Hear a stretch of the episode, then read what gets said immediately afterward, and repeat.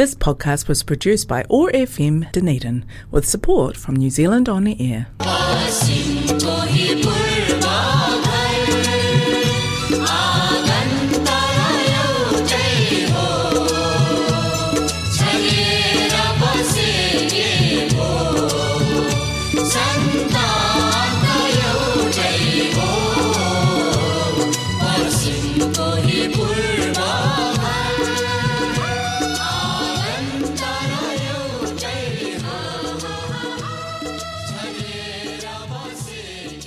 नमस्ते। हरेक मङ्गलबार साँझको छ तिस बजे प्रसारण हुने ओट्यागो एक्सेस रेडियोबाट सञ्चालित कार्यक्रम हाम्रो आवाजमा म टिका कौशिकको सम्पूर्ण श्रोताहरूमा हार्दिक अभिवादन। आज मङ्गलबार इस्वी सन् दुई हजार एक्काइस अगस्त चौबिस तारिक। तदनुसार विक्रम सम्मत दुई हजार अठहत्तर भाद्र आठ गते। डनिडी नेपाली समाजको प्रस्तुति रहेको कार्यक्रम हाम्रो आवाज हो भने यस कार्यक्रमलाई प्रायोजन गरेको छ कनेक्टिङ कल्चर एथनिक कम्युनिटिजले कार्यक्रम हाम्रो आवाज ओट्यागो एक्सेस रेडियो एक सय पाँच दशमलव चार मेगा हर्जमा हरेक मङ्गलबार न्युजिल्यान्डको समयअनुसार साँझ छ तिस बजेदेखि सात बजेसम्म सुन्न सक्नुहुनेछ भने पोडकास्ट तथा आइट्युन्सबाट तपाईँले चाहेको बेलामा सुन्न सक्नुहुनेछ। कार्यक्रम हाम्रो आवाजमा आज तपाईँले सुन्नुहुनेछ एक छलफल। आजको छलफल गैर आवासीय नेपाली सङ्घसँग सम्बन्धित छ। गैर आवासीय नेपाली सङ्घ के हो? के यो कुनै राजनैतिक पार्टीको भातृ सङ्गठन हो? अथवा यसले के गर्छ? उद्देश्यहरू के के छन्? कसले यसको सदस्यता लिन पाउँछ? एनआरएनएको सदस्य हुँदा के फाइदा हुन्छन्? जस्ता प्रश्नहरूको उत्तर खोज्ने प्रयास गर्नेछु र यसै विषयमा छलफल गर्न आज मसँग हुनुहुन्छ गैर आवासीय नेपाल सङ्घ न्युजिल्यान्डका अध्यक्ष श्री उद्धव अधिकारी। श्री अधिकारी इन्जिनियरिङको प्रोफेसन लिएर पच्चिस वर्ष अगाडि न्युजिल्यान्ड आउनु भएको हो। श्री अधिकारी न्युजिल्यान्डमा सामाजिक गतिविधिमा सक्रिय हुनुहुन्छ। उहाँले जेपी यानि कि जस्टिस अफ पिसको भूमिकामा रहेर सामाजिक सेवा पुर्याइसक्नु भएको छ। त्यस्तै गरेर न्युजिल्यान्ड नेपाल सोसाइटीको अध्यक्ष रहेर दुई कार्यकाल बिताइसक्नु भएको छ भने गैर आवासीय नेपाली सङ्घको उपाध्यक्षको रूपमा एक कार्यकाल बिताइसक्नु भएको छ। र यही अगस्त महिनादेखि एनआरएनए न्युजिल्यान्डको अध्यक्षमा निर्वाचित हुनुभएको छ। यहाँलाई बधाई तथा शुभकामना उद्धवजी। धन्यवाद। मौका दिनुभयो यो रेडियो प्रोग्राममा। त्यसको लागि धेरै धेरै धन्यवाद छ। यहाँबाटै सुरु गरौँ। अब धेरैका लागि एनआरएनए के हो भन्ने कुरा अन्यल हुन सक्छ होइन? यसकै परिभाषाबाट हामी जाउँ। एनआरएनए अर्थात् गैर आवासीय नेपाली सङ्घ भनेको के हो? र यो के का लागि हो? यो गैर आवासीय नेपाली सङ्गठन भनेको यो नेपालबाट बाहिर बसेको यो सार मुलुक बाहेक अन्त रहेकोलाई हाम्रो नेपालको पार्लियामेन्टले नै यसलाई डिफाइन गरेर यसलाई गैर आवासीय नेपाली सङ्घ भनेर तोकेको छ। र त्यही अनुसार जो नेपालबाट बाहिर रहने गैर आवासीय नेपाली हुन्छ बाहिर बस्ने भनेको वर्क पर्मिट या पर्मानेन्टली बाहिर गएर बस्ने मान्छेहरूलाई अनि हामीले गैर आवासीय नेपाली भनिन्छ। प्राय सबै देशमा एनआरएनए का साझा उद्देश्य हुन्छन्। सबैको उद्देश्य एउटै हुन्छ अथवा फरक हुन्छ? अब यसमा सबैको उद्देश्य त मेन चाहिँ अब नेपालीकै उद्धार गर्ने बाहिर बसेर छरिएर बसेको नेपालीहरूलाई। र लगभग उद्देश्य चाहिँ एउटै हो। उनीहरूकै त्यहाँको हाम्रो नेपाली भाषा संस्कृति को सम्वर्धन गर्ने नेपालीहरूको लागि एक छाता मुनि ल्याउने उद्देश्यले संसारभरि फैलिएर रहेका नेपालीहरूलाई सङ्गठित गर्ने उद्देश्यले उनीहरूको रिसोर्सहरू त्यहाँको आफ्नो कल्चरहरू बढाउने यो सबै गर्ने र नेपालमा भइपरि आएको बेलामा सहयोग गर्ने भनेर अनि स्किल नलेज जे छ बाहिर बसेका नेपालीहरूको त्यो नेपालमा ल्याएर प्रवर्धन गर्ने त्यही उद्देश्य मेन चाहिँ त्यसैको लागि हो। यो बनेको र अब बाहिर बसेका मान्छेलाई चाहिँ एनआरएनएका मान्छेलाई जस्तो यो गैर आवासीय नेपालीहरू चाहिँ बाहिर बसेर नेपालसँग सबै कनेक्सन भएर रहनको लागि भएको एउटा छाताको रूपमा बनेको हो र यो जुन देशमा भए पनि मेन उद्देश्य चाहिँ त्यही नै हो र हाम्रो अपेक्षा चाहिँ दोहोरो नागरिकता हुनुपर्छ भन्ने कुरा बाहिर बसेका मान्छेको चाहना हो र नेपाल सरकारलाई अब के भएको लागि नेपाल र नेपालीको लागि केही गर्न सकिन्छ कि भनेर सबैले को एउटै साझै नै उद्देश्य हो भन्नुपर्छ यसलाई। म यो दोहोरो नागरिकताको बारेमा अर्को प्रश्न लिएर फेरि आउँछु। जस्तै मानिलिउँ न्युजिल्यान्डमा रहेका नेपालीहरू अथवा जापानमा रहेका नेपालीहरूका हिसाबमा यो क्षेत्रीय आवश्यकता अनुसार उद्देश्य थोरै फेरबदल हुन्छ अथवा एउटै उद्देश्य लागु हुन्छ उद्धवजी? अब यसमा वास्तवमा मेन उद्देश्य त एउटै हो। आफ्नो लोकल अनुसार अलिक फरक पर्न सक्छ। जस्तो भनौँ न अब मध्यपूर्वमा बस्नेहरू चाहिँ धेरै जसो वर्क पर्मिट आउनु भएको छ र उहाँहरूलाई दोहोरो नागरिकताको त्यति आवश्यकता नपर्ला जो वर्क पर्मिट आउनु भएको छ उहाँहरू त काम सक्नुहुन्छ फेरि फर्कनुहुन्छ। त्यसबाट अलिकति मात्र बाहिर जानुहुन्छ हुनु चाहिँ नभए चाहिँ जस्तो अरू सिपहरू ज्ञानहरू यी सबै आफ्नो रिसोर्सहरू नेपाल लाने नेपालको लागि हेल्प गर्ने भन्ने चाहिँ एउटै हो। त्यो सबैको तर अलिकति क्षेत्र अनुसार अलिअलि मात्रै फरक हो। तर फास्ट डिफ्रेन्स चाहिँ होइन। अब यो एनआरएनए कुनै राजनैतिक पार्टीसँग आबद्ध छ या छैन? धेरैको बुझाइ यो चाहिँ कुनै पनि आफ्नो राजनीतिक मूलधारका पार्टीसँग आबद्ध छ होला भन्ने किसिमको अनुमान हुन्छ अथवा भनेको त्यस्तो बुझाइ हुन्छ। यसलाई प्रश्न पारिदिनुहोस् न। अब यसमा मेरो मेरो आफ्नो सोचाइ अनुसार यो चाहिँ विशुद्ध नेपाल र नेपालीको लागि हो। यो कुनै पार्टीसँग आबद्ध हुने संस्था होइन र कुनै कारणवश कहिले काहीँ के हुन्छ भने आफ्नो नजिक बनाउनलाई के अलिकति राजनीति जहाँ पनि जब चुनाव चुनाव हुन्छ त्यो देखिन्छ पनि। तर त्यति प्रष्ट रूपले कुनै राजनीतिसँग आबद्ध चाहिँ हुँदैन यो चाहिँ त्यो हिसाबले। अब चुनाव लड्दाखेरि अब काठमाडौँ पुग्दाखेरि अध्यक्षहरूलाई कहिलेकाहीँ आफ्नो साइडमा ल्याउन खोज्छन् आफ्नो विचारधारा हुन्छन् हाम्रो विचारधाराको मान्छे आयो भन्ने भावना हुन्छ काठमाडौँमा। त्यो चिजलाई चाहिँ अलिअलि खेल चाहिँ बाहिरबाट असर गर्न खोज्दा तर वास्तवमा चाहिँ यो चाहिँ कुनै पनि राजनीतिक पार्टीसँग आबद्ध चाहिँ होइन यो संस्था। त्यसको अर्थ यसरी बुझौँ त्यहाँ भनौँ न अब यो एनआरएनएको जुन सङ्घ छ अथवा आफ्नो एउटा छुट्टै टिम छ एउटा एक्जिक्युटिभ बडी छ त्यसलाई नेपाली राजनीतिले त्यति फरक नपार्ला त्यसो भने। अर्को एउटा अर्थ सम्बन्धी प्रश्न लिँदैछु उद्धवजी। धेरैको बुझाइ छ कि एनआरएनएसँग अर्थको बोट नै छ। फल छ टिपेर नेपालमा मिल्काउने हो। विभिन्न क्षेत्रमा एनआरएनएले लगानी पनि गरेको छ। यो रकम कहाँबाट आउँछ? प्रत्येक एनआरएनए सदस्यले तिर्ने हो अथवा यसको स्वामित्व लिने प्रावधान कसरी बनाइएको छ? अब यसमा चाहिँ के छ भने अब नेपालमा लगानी गर्नको लागि सबै नेपालीहरूले बाहिर बसेका आवश्यक नेपालीहरूले बेला बेला आह्वान गरे अनुसार आफ्नै पैसा लगानी गरे हुन्छ।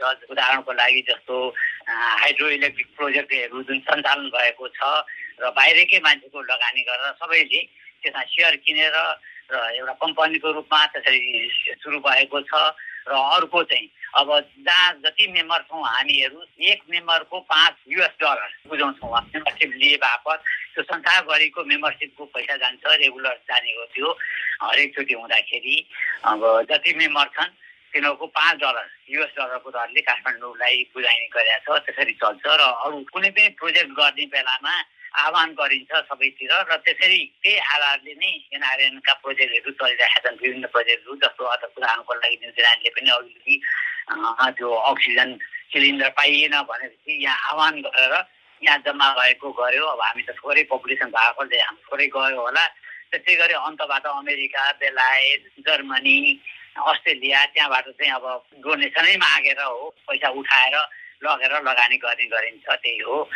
गर्ने चाहिँ र अब ठुल्ठुलो इन्डिभिजुअल गर्नेहरू पनि हुनुहुन्छ जसको आफ्नो यहाँ बिजनेस गरेर कमाउनु भएको छ र नेपालमा इन्भेस्ट पनि गर्नुभएको छ कसैले होटल गर्नुभएको छ कसैले मेडिकलहरू खोल्नु भएको छ हस्पिटलहरू खोल्नु भएको छ त्यो चाहिँ पर्सनल भयो। अहिले संस्थाको रूपले चाहिँ विभिन्न ठाउँमा गर्ने जस्तो बाढी पहिरो भयो भूकम्प भयो यस्तामा चाहिँ सबै हामीले उठाएर गएर आवश्यक नेपालीहरूले उठाएर त्यहाँ जम्मा गरेर दिएको हो त्यो। जस्तो भवन बनाउनु भने त्यसको लागि भवन बनाउनु पैसा चाहियो भनेर आह्वान गर्छन्। सबैले दिएर सबैको कन्ट्रिब्युसन हो त्यसरी जम्मा हुन्छ। दोहोरो नागरिकता सम्बन्धी जुन नेपाल सरकारसँगको अहिलेको लडाइँ छ यो के हो र यो किन आवश्यक छ? अब यो के हो भने सबै एकपटकको नेपाली सधैँ सधैँको नेपाली भन्ने जुन यसको हाम्रो ऊ छ आह्वान छ यसको मेन थिम नै यही छ एनआरएनको एकपल्टको नेपाली सधैँको नेपाली भइ नै रहोस्। जस्तो अहिलेको हाम्रो पुस्ता त हामी आयौँ हामीसँग उहाँ कन्ट्याक्ट छ हामी उता पनि बस्यौँ यता पनि बस्यौँ ठिकै छ। अब दुई तिन पुस्ता पछि कार्डलाई पनि अब नागरिकता कन्टिन्युस भयो भने उनीहरूले नेपालसँग सधैँ उनीहरू आबद्ध हुन्छन् र उनीहरूले के गर्न चाहेमा जान पाउने चान्स रहन्छ। नभए चाहिँ के हुन्छ भने दुई तिन पुस्तापछि सम्बन्धै छुट्छ त्यसले गर्दा दोहोरो नागरिकतामा नागरिकता रहिरह्यो भने बाबुको नागरिकता रहिरह्यो भनेदेखि आमाको नागरिकता रहिरह्यो भनेदेखि बच्चाहरूले चाह्यो भने त्यहाँ गएर उनीहरू पनि एनआरएन भएर आइडी कार्ड लिएर अरू सिटिजन सिटिजन लिएर त्यहाँ इन्भेस्टमेन्ट गर्न चाहे त्यहाँ काम गर्न चाहे कुनै बिजनेस खोल्न चाहे उनीहरूले गर्न पाउँछन् र पछिको लागि सधैँको लागि एकपटकको नेपाली सधैँको लागि नेपाली भने जस्तो जुन आह्वान छ त्यसैमा आधारित भएर सबै नै नेपालसँग आबद्ध हुने सक्छन् भन्ने हिसाबले हो यो चाहिएको नभए त हाम्रो पुस्तासम्म रह्यो। आइडी कार्डको व्यवस्था जुन अहिले पहिले सरकारले गरिदिएको छ त्यो आइडी कार्ड बनाएर गयो भने हामी त गयौँ। अब हाम्रो सन्तान अब हामी आइडी कार्ड लिएर गयौँ हाम्रो सकिएपछि दोस्रोको लागि जसले आइडी कार्ड लिएन उसको त प्रमाण केही पनि छैन। बाबुआमा हो पहिलाको नेपाली नै हो भने प्रमाण देखाउ भन्यो भने बच्चाहरूलाई हुँदैन। अर्को त कारण यो कन्टिन्युटी भयो भने सधैँको लागि राम्रो हुन्छ भन्ने हिसाबले। यो पुस्तौँ पुस्ता नेपालसँग जोडिरहन नेपालीहरूलाई जोडिरहनका लागि काम लाग्ने कुरा नै रहेछ जस्तो लाग्छ। तर नेपाल सरकारले चाहिँ किन यसमा हिचकिचाहट गरिरहेको छ? यसमा के सोचाइ हो त्यहाँको अब पार्लियामेन्टको? अब यो त हाम्रो दोहोरो दिने भन्ने कुरा चाहिँ एउटा संविधानमा बल्ल बल्ल आयो तर नियमावली भन्न सकेका छैन। यो अब पोलिटिकलै लागिरहेका छन् मान्छे जस्तो लाग्छ किनभने दिनु हुँदैन दिएपछि प्रभाव बाहिरको बढी पर्छ भन्ने भावना रहेको छ। अब जब अघि हाम्रो नजिकका मुलुकहरू बङ्गलादेश श्रीलङ्कामा दोहोरो नागरिकता नि छ उनीहरूलाई केही प्रब्लम छैन राम्रै भइरहेछ इन्भेस्टमेन्ट भइरहेछ। त्यसले गर्दा के हुन्छ दोहोरो नागरिकता भएपछि इन्भेस्टमेन्ट गर्नलाई पनि सेक्युरली गर्न सक्छन्। त्यो हिसाबले भने हो अब त्यहाँको मान्छेको सोचाइ के छ? अझ पनि यहाँ भोलि प्रश्न आएको छैन अझ पनि प्रेसर लागिरहेको छ। अब के हुन्छ पछि भन्न सकिँदैन हाम्रो डिमान्ड चाहिँ हो। आशा गरौँ यसले भनेको अब सोचे अनुरूपको अथवा सबैलाई फाइदा हुने किसिमको एउटा फल देला। एनआरएनएको जुन एउटा मिसन छ मैले यहाँको वेबसाइटमा पढेको थिएँ त्यहाँ मैले के पाएँ भने to protect and promote the of Nepalese community in New Zealand by supporting Nepalese people to integrate in New Zealand society भनिएको छ। अब एनआरएनएले नेपालीहरूलाई न्युजिल्यान्डमा सेटल हुन के कस्तो सहयोग पुर्याउँछ? यसले अब पहिला सुरुमा त अब आफ्नो आफ्नो लोकल कमिटीहरू पनि छन् नभए होइन। त्यसमा अब एनआरएनले चाहिँ आफ्नो वेबसाइटमा हाम्रो चाहिँ प्रपोज के हुन्छ वेबसाइटमा अब नेपाल यहाँ यहाँ आउनलाई जस्तो भनौँ न नेपालबाट यहाँ आउन चाहनेहरूलाई इन्फर्मेसन दिलाउने कसरी आउने के गर्ने अब यो चिज चाहिँ सबै जानकारी दिएर उहाँहरूलाई त आउने र केही समस्या परेदेखि बताउने र यहाँ आएपछि पनि अब यहाँ भएको हामी जति नेपाली यहाँ छौँ सबै यहाँ नै नै हौँ मोस्टली जो विद्यार्थी बाहेक त सहयोग गर्ने डे टु डे के पर्यो भने कुनै पनि एडभाइस चाहियो भने त्यो हामी एनआरएनले गर्छौँ र कुनै दुःख पर्दाखेरि आपत पर्दाखेरि सहयोग गरि पनि राखेको छ र त्यही हिसाबले अब यसमा जबसम्म उहाँहरू सेटल हुनुहुन्न तबसम्मको लागि एउटा एडभाइजरी रोल जस्तो हो हामी गरिरहने। यो कोभिडको कारणले धेरै नेपालबाट आउनुभएका विद्यार्थिनीहरू हुन्छ होइन? उहाँहरू निकै समस्यामा पर्नुभयो होला। उहाँहरूका लागि केही हजुरहरूले पुर्याउनु भएको सहयोग उदाहरणको रूपमा एक दुईवटा छन् भने भनिदिनुहोस् न।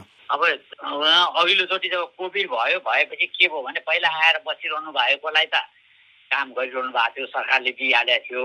तर जब यहाँ आउनुभयो आएर काम पनि सुरु गर्नु भएको थिएन विद्यार्थीहरूलाई उहाँलाई धेरै समस्या पऱ्यो। त्यसको लागि अनि हामीले आह्वान गऱ्यौँ सबै कम्युनिटी लिडरहरूसँग सत्सल्लाह गरेर हामीले अब फन्ड रेज गर्नु पऱ्यो केही न केही त हेल्प गर्नु पऱ्यो अब गभर्मेन्टले खानासाना ठाउँ ठाउँबाट दिएको छ अब कतिले भाडा पाएको छैन कसले के छ भनेर हामीले कम्युनिटीमै आग्रह गऱ्यौँ। गर्दाखेरि हामीले बयालिस हजार डलर उठाउनु हामी सक्षम भयौँ त्यो बेला। र त्यही नै हामीले जो विद्यार्थीहरू नयाँ आउनु भएको थियो हाम्रो कहिले भने डिसेम्बरदेखि डिसेम्बर दुई हजार उन्नाइसदेखि अब कोभिड लाग्यो फेब्रुअरी मार्चदेखि सुरु भयो काम पनि सुरु भएको छैन। त्यस्ता अल्पत्र परेका विद्यार्थीहरूलाई चाहिँ हामीले चाहिँ सबैतिर फन्ड उठाएर सबको कन्ट्रिब्युसन आह्वान गरेर हामीले सबै विद्यार्थीहरू को को समस्या छ को काममा हुनुहुन्न उहाँको सबै रेकर्ड गरेर उहाँहरूलाई फोन गरेर को अप्ठ्यारोमा पर्नु भएको छ उहाँहरूलाई हामीले पैसा बाँड्यौँ भने जो हामीले उठाएको पैसा सबैले कन्ट्रिब्युसन दिनुभएको पैसा हामीले बाँड्यौँ उहाँहरूलाई त्यसमा चाहिँ हामीले फोर्टी टू थाउजन्ड डलर उठाएर हामीले बाँडेका थियौँ विद्यार्थीहरूलाई यहाँहरूको सहयोगका लागि धेरै धेरै धन्यवाद जस्तै अब अर्को एनआरएनए न्युजिल्यान्डले स्थानीय नेपाली समाजसँग कस्तो किसिमको सहकार्य गर्न सक्छ? कुनै त्यस्तो योजना छ अथवा केही त्यस्तो उदाहरण छ यहाँहरूले गर्नुभएको?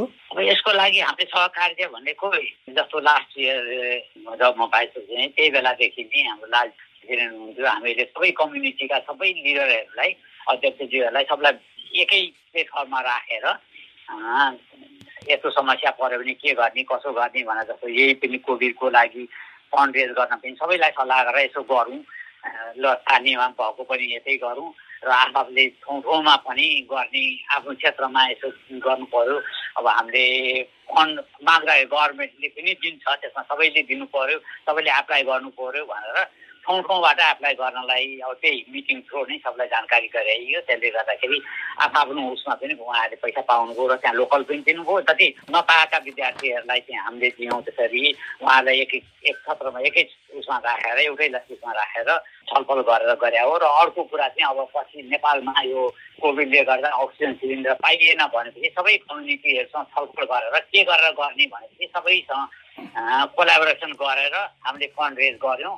र नेपालमा कसरी पठाउने भन्दाखेरि हामीले उसलाई पठायौँ। जस्तो पहिला चाहिँ इमर्जेन्सीको लागि पाँच लाख डलर चाहिँ हामीले सिधै पहिले सुरुमै उठाउनुभन्दा पहिला नै इमर्जेन्सी परिराखेको हुनाले पठायौँ हामीले।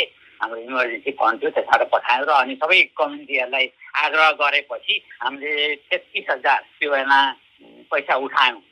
सबसँग आह्वान गरेर यसरी अनि पछि अलिकति चाहिँ महावीर पुनको उसमा पठाउने त्यहाँबाट सहयोग हुन्छ डाइरेक्ट र बाँकी आधा चाहिँ उता पठाउने एनआइएनको अफिसमा पठाउने र यसबाट सिलिन्डरहरू के अक्सिजन प्रोडक्सन गर्न सातवटै प्रदेशमा फ्याक्ट्री खोल्नलाई सबैलाई सहयोग गर्ने भनेर त्यसरी हामीले उठायौँ यो कम्युनिटीसँग मिलेरै गरे अब सबै एनआरएनले एक्लै गरे होइन कि?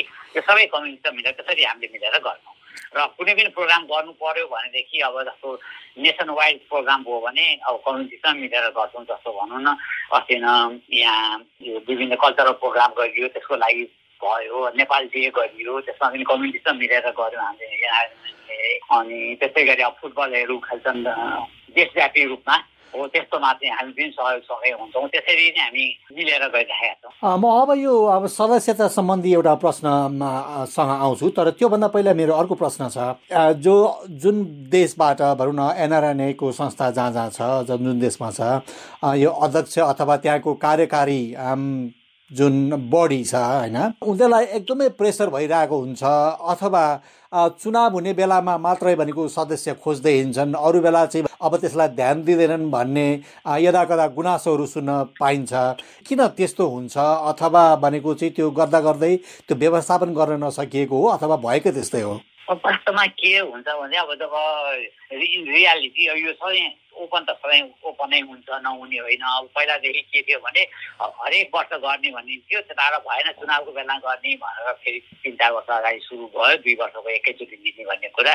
र अनि त्यसपछि वास्ता नगरेर अरूले पनि त्यति चासो नदेखाएको वास्तवमा अब चाहिँ MIS system member information system काठमाडौँमै राख्ने गरेको छ। यसपछि चाहिँ जहिले चाहे पनि जहिले पनि गर्न पाउने त्यसमा गएर लगइन गरेर गर्न सकिन्छ र एकचोटि भएपछि रिन्यू गर्न पनि सजिलो हुन्छ भनेर अहिले गराउनु दिएको छ। अनि अलिअलि चाहिँ अब मान्छेलाई ल बन्नु पऱ्यो बन्नु पऱ्यो भनेपछि बन्न अगाडि आउनुहुन्छ। नभए आ भइगयो भइगयो भनेर मान्छेलाई त्यो फिलिङले पनि होला जस्तो लाग्छ मलाई चाहिँ रियालिटी त्यही हो। अब कसैले भने होइन के गरिरहनु? भनेर अब चुनावको बेलापछि उठ्ने बेला भएको ल बन्नु पऱ्यो लौ न म उठ्दैछु भनेपछि त्यो प्रेसरले पनि हुन्छ जस्तो लाग्यो। र त्यस्तो होइन कि अब चाहिँ के भइरहेको अब किन वास्तवमा हामी सबै एनआरएन बाहिर बसेर मेम्बर भए पनि नभए पनि एनआरएन नै हौँ मेम्बर भएपछि आफ्नो से हुन्छ? आफूले चुन्न पाइयो आफ्नो अधिकार भयो। त्यसले गर्दाखेरि मेम्बरसिप दिनु नै बेटर हुन्छ भन्ने कुरा हामीले सम्झाउन नसक्या पनि हुनसक्छ। अब सम्झाउनु पर्छ त्यसरी। र सबैले त्यसरी सम्झेर उहाँहरू भइदिनु भएपछि के हुन्छ भने बढी भएपछि भोइस पनि राम्रो हुन्छ हामी गर्न सक्छौँ। जस्तो अहिले हाम्रो अघिल्लो चोटि नभए दुई सय तिन सय चार सय पाँच सय हुन्थ्यो पहिला पहिला लास्ट हाम्रो इलेक्सनको बेलामा। अब दुई हजार पुगे हुनाले हामीले अब गभर्मेन्टसँग यसो फन्ड माग्दा पनि हामी सजिलैसँग पायौँ जस्तो पचास हजार ट्रेनिङको लागि दियो यो अहिले जुन कोभिडले अप्ठ्यारो परेर जागिर छुटेको लागि पचास हजार ग्रान्ट दियो गभर्मेन्टले ल। तिमीहरू ट्रेनिङ दियो। जागिर खानको लागि पाउनको लागि भनेर त्यस्तो दिन सक्छु। त्यसरी बढी मेम्बर भयो भने हामी बलियो हुँदै जान्छौँ भन्ने कुरा अब उहाँहरूलाई बताउँदै जानुपर्छ कम्युनिटीलाई अनि त्यसरी बन्दै जानुहुन्छ जस्तो लाग्छ।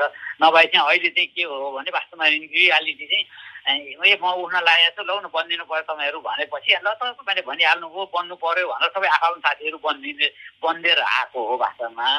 नभए चाहिँ अब फेरि लास्ट इयर चाहिँ अलिकति कम हुन कारण चाहिँ अब सिस्टम नयाँ सिस्टम निकाले डाइरेक्ट एमआइएस सिस्टममा इन्ट्री गर्नुपर्ने हुनाले कतिले त्यो सिस्टमले अलिकति गाह्रो भएर सिस्टममा बेला बेला रोक्ने बेला बेला प्रब्लम आएकोले अलिक कम भयो अब अहिले चाहिँ सबैजना अब बन्छौँ अब बन्छौँ भन्ने कुरा लाइन आइरहनु भएको छ।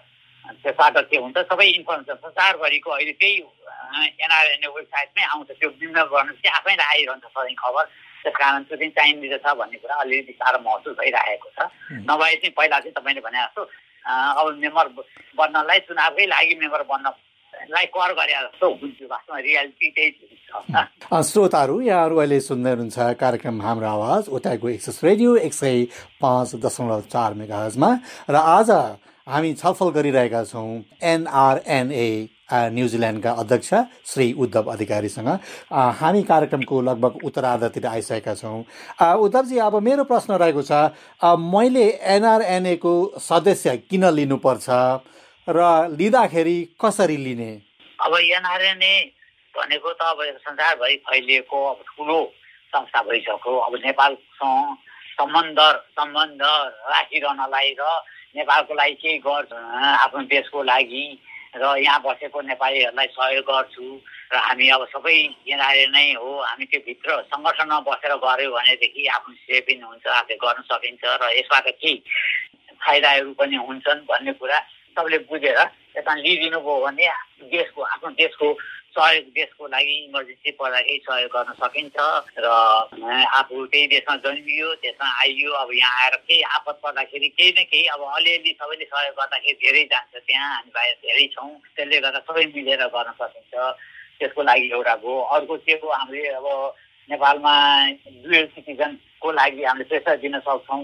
नभए त यो नभए भए त अब के नै हुँदैन थियो। केही पनि दिन अधिकार चाहिन्छ पहिला किन चाहियो केही पनि चाहिँदैन भन्ने कुरा राजनीतिज्ञहरूले गरिरहेका थिए अहिले चाहिँ चाहिँदैछ अहिले निकै नेपालमा हेल्प भइरहेको छ एनआरएनले गर्दाखेरि भन्ने कुरा त्यो महसुस भइसकेको छ। र यसरी एउटा एउटा प्रेसर दिनेको कुरा हो। अर्को चाहिँ के हुन्छ भने हामीले आफ्नो देशलाई केही न केही सहयोग गर्न सक्छौँ। यो माध्यमद्वारा। नभए एउटा एउटा लोकल संस्था त सबैतिर पनि छँदैछ। लोकल संस्थाले लोकल ठाउँमा हेर्ने भयो ओभरअल देशभरिकोबाट सहयोग गर्ने नेपालको लागि कनेक्टेड हुने चाहिँ यही नै हो एनआरएनए हो। त्यसले गर्दाखेरि यसमा समावेश भएपछि आफ्नो देशको लागि के गरौँ न भन्दाखेरि गर्न सकिने एउटा माध्यम भएको हुनाले यसमा लाग्दाखेरि बेटर हुन्छ जस्तो लाग्छ। एनआरएनएको सदस्य बन्न त्यस्तो कुनै योग्यता चाहिन्छ कुनै क्राइटेरिया छ? अब यसमा सदस्य बन्न चाहिँ दुई वर्ष। वर्क पर्मिट लिएर दुई वर्ष पहिला चाहिँ कम थियो। अब अहिले चाहिँ दुई वर्ष बसिया हुनुपर्ने छ। वर्क पर्मिट एटलिस्ट दुई वर्षको हुनुपर्छ। दुई वर्षपछि मेम्बर बन्न पाउँछ। र पर्मानेन्ट रेजिडेन्स हो भने चाहिँ तुरन्तै बन्न पाउँछ। र किनभने नेपालबाट बाहिर बसेको गैर आवासीय हो। नेपालमा नबस्ने बाहिर बस्ने हो। यसको अर्थबाट पनि गैर आवासीय हो भने चाहिँ नेपालमा नबस्या बाहिर बस्या भने चाहिँ दुई वर्ष भन्दा बढी वर्क पर्मिट लिएर बाहिर बसेका छ भने उनीहरू मेम्बर हुने भए र अन्त ल्याएको छ भने इमिग्रेसन इमिग्रेट भएर आएको छ पर्मानेन्ट रेजिडेन्स लिएर आएको छ भन्ने मेम्बर हुने भए अनि तिनीहरू चाहिँ गैर आवासीय नेपाल नबस्ने भएको हुनाले गैर आवासीय नेपाली छौँ भनेर त्यही नाउँ अनुसार चाहिँ अनि त्यसपछि मेम्बर लिन पाइने भयो दुई वर्ष भएपछि। अब हुन त सुरुमै आएर मेम्बर हुनु पाइन्छ तर भोटिङ राइट हुँदैन। तर दुई वर्ष भएपछि चाहिँ पर्मानेन्ट मेम्बर हुन पाइन्छ। मानिलिउ नेपालकै नागरिक हुन जरुरी छ अथवा मानौ कुनै बङ्गलादेश अथवा श्रीलङ्का भनौँ अथवा कुनै पनि देशको नेपाली मुलुकको व्यक्ति छ तर उसँग नेपाली नागरिकता छैन भने ऊ एनआरएनएको सदस्य बन्न मिल्छ कि मिल्दैन? यसमा चाहिँ अहिले मिल्दैन। यो चाहिँ मात्र नेपाली नागरिकता भएकाहरूकोसँग मात्रै लागु हुन्छ। अब म जाँदा जाँदा एउटा अन्तिम प्रश्न छ उद्धवजी।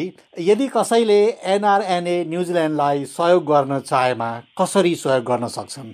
एनआरएनए न्युजिल्यान्डमा सहयोग गर्न चाहेमा कस्तो खालको सहयोग हो? त्यसमा भर पर्छ। अब सहयोग गर्न चाहने भने अब हाम्रो भन्ने कुरा त यहाँ भनेको यहाँ भएको नेपाली केही दुःख पर्यो कसो भयो भने तिनीहरूलाई हेल्प गर्ने हो हामीले। र त्यसै गरी नेपालमा के गर्ने नेपालमा के समस्या पर्यो प्रब्लम पर्यो भने हामीले फन्ड रेज गरेर नेपाललाई पठाउने हो। हाम्रो चाहिँ त्यही नै हो। अब यहाँ भएको कार्यक्रमहरू सञ्चालन गर्ने त्यस्तै मात्रै हो। अब ठुलो प्रोजेक्ट चाहिँ यहाँ गरेका छैन। अब नेपालमा प्रोजेक्ट सञ्चालन गर्ने हो। नेपालकै लागि हामीले फन्ड रेज गर्छौँ। नेपालकै लागि पठाउँछौँ। त्यही हो हाम्रो चाहिँ मेन चाहिँ। जसले पनि सहयोग गर्न सक्छ। यसमा केही छैन। सहयोग गर्नलाई आर्थिक सङ्कलन चाहिँ यसको मुख्य सहयोग हुनेछ। त्यसको अर्थ हामीले यसरी बुझौँ। हजुर हजुर आर्थिक सहयोगै हो अहिले चाहिँ। हामीले गरे आर्थिक सहयोगै गर्दैछौँ नेपालको लागि। हवस् त उद्धवजी यहाँको समय र विचारका लागि धेरै धेरै धन्यवाद। यो समय दिनुभएकोमा धेरै धेरै धन्यवाद। कार्यक्रमको निर्धारित समय सकिन लागिसकेको छ। श्रोताहरू तपाईँहरूले आफूले चाहेको बेलामा कार्यक्रम हाम्रो आवाज सुन्न सक्नुहुनेछ। यदि तपाईँ आइओएस चलाउनुहुन्छ भने सिधै आइट्युन्सबाट र एन्ड्रोइड चलाउनुहुन्छ भने तपाईँले पोडकास्ट एपबाट हाम्रो आवाज टाइप गरेर सर्च गर्नुभयो भने हाम्रो आवाज ओट्यागो एक्सेस रेडियो स्वत देखिन्छ। त्यसमा क्लिक गरेर आफ्नो अनुकूल समयमा सुन्न सक्नुहुनेछ। पोडकास्ट एपबाट यहाँहरूले सब्सक्राइब पनि गर्न सक्नुहुनेछ। डनिड नेपाली सोसाइटीको फेसबुक पेजबाट पनि हाम्रो आवाज सुन्न सक्नुहुनेछ। जाँदा जाँदै हाम्रो आवाजका प्रायोजक कनेक्टिङ कल्चर र यो आवाज तरङ्गित गराउने ओट्यागो एक्सेस रेडियोलाई धेरै धेरै धन्यवाद त्यस्तै गरी आजका मेरा अतिथि श्री उद्धव अधिकारीजीलाई पनि धेरै धेरै धन्यवाद भन्दै आउँदो मङ्गलबार साँझ छ तिस बजे फेरि भेट्ने बाचाका साथ प्राविधिक मित्र जेफ र म टिका कौशिक ओजेल हुन चाहन्छु Namaste, Subharatri. This podcast was produced by ORFM Dunedin with support from New Zealand On Air.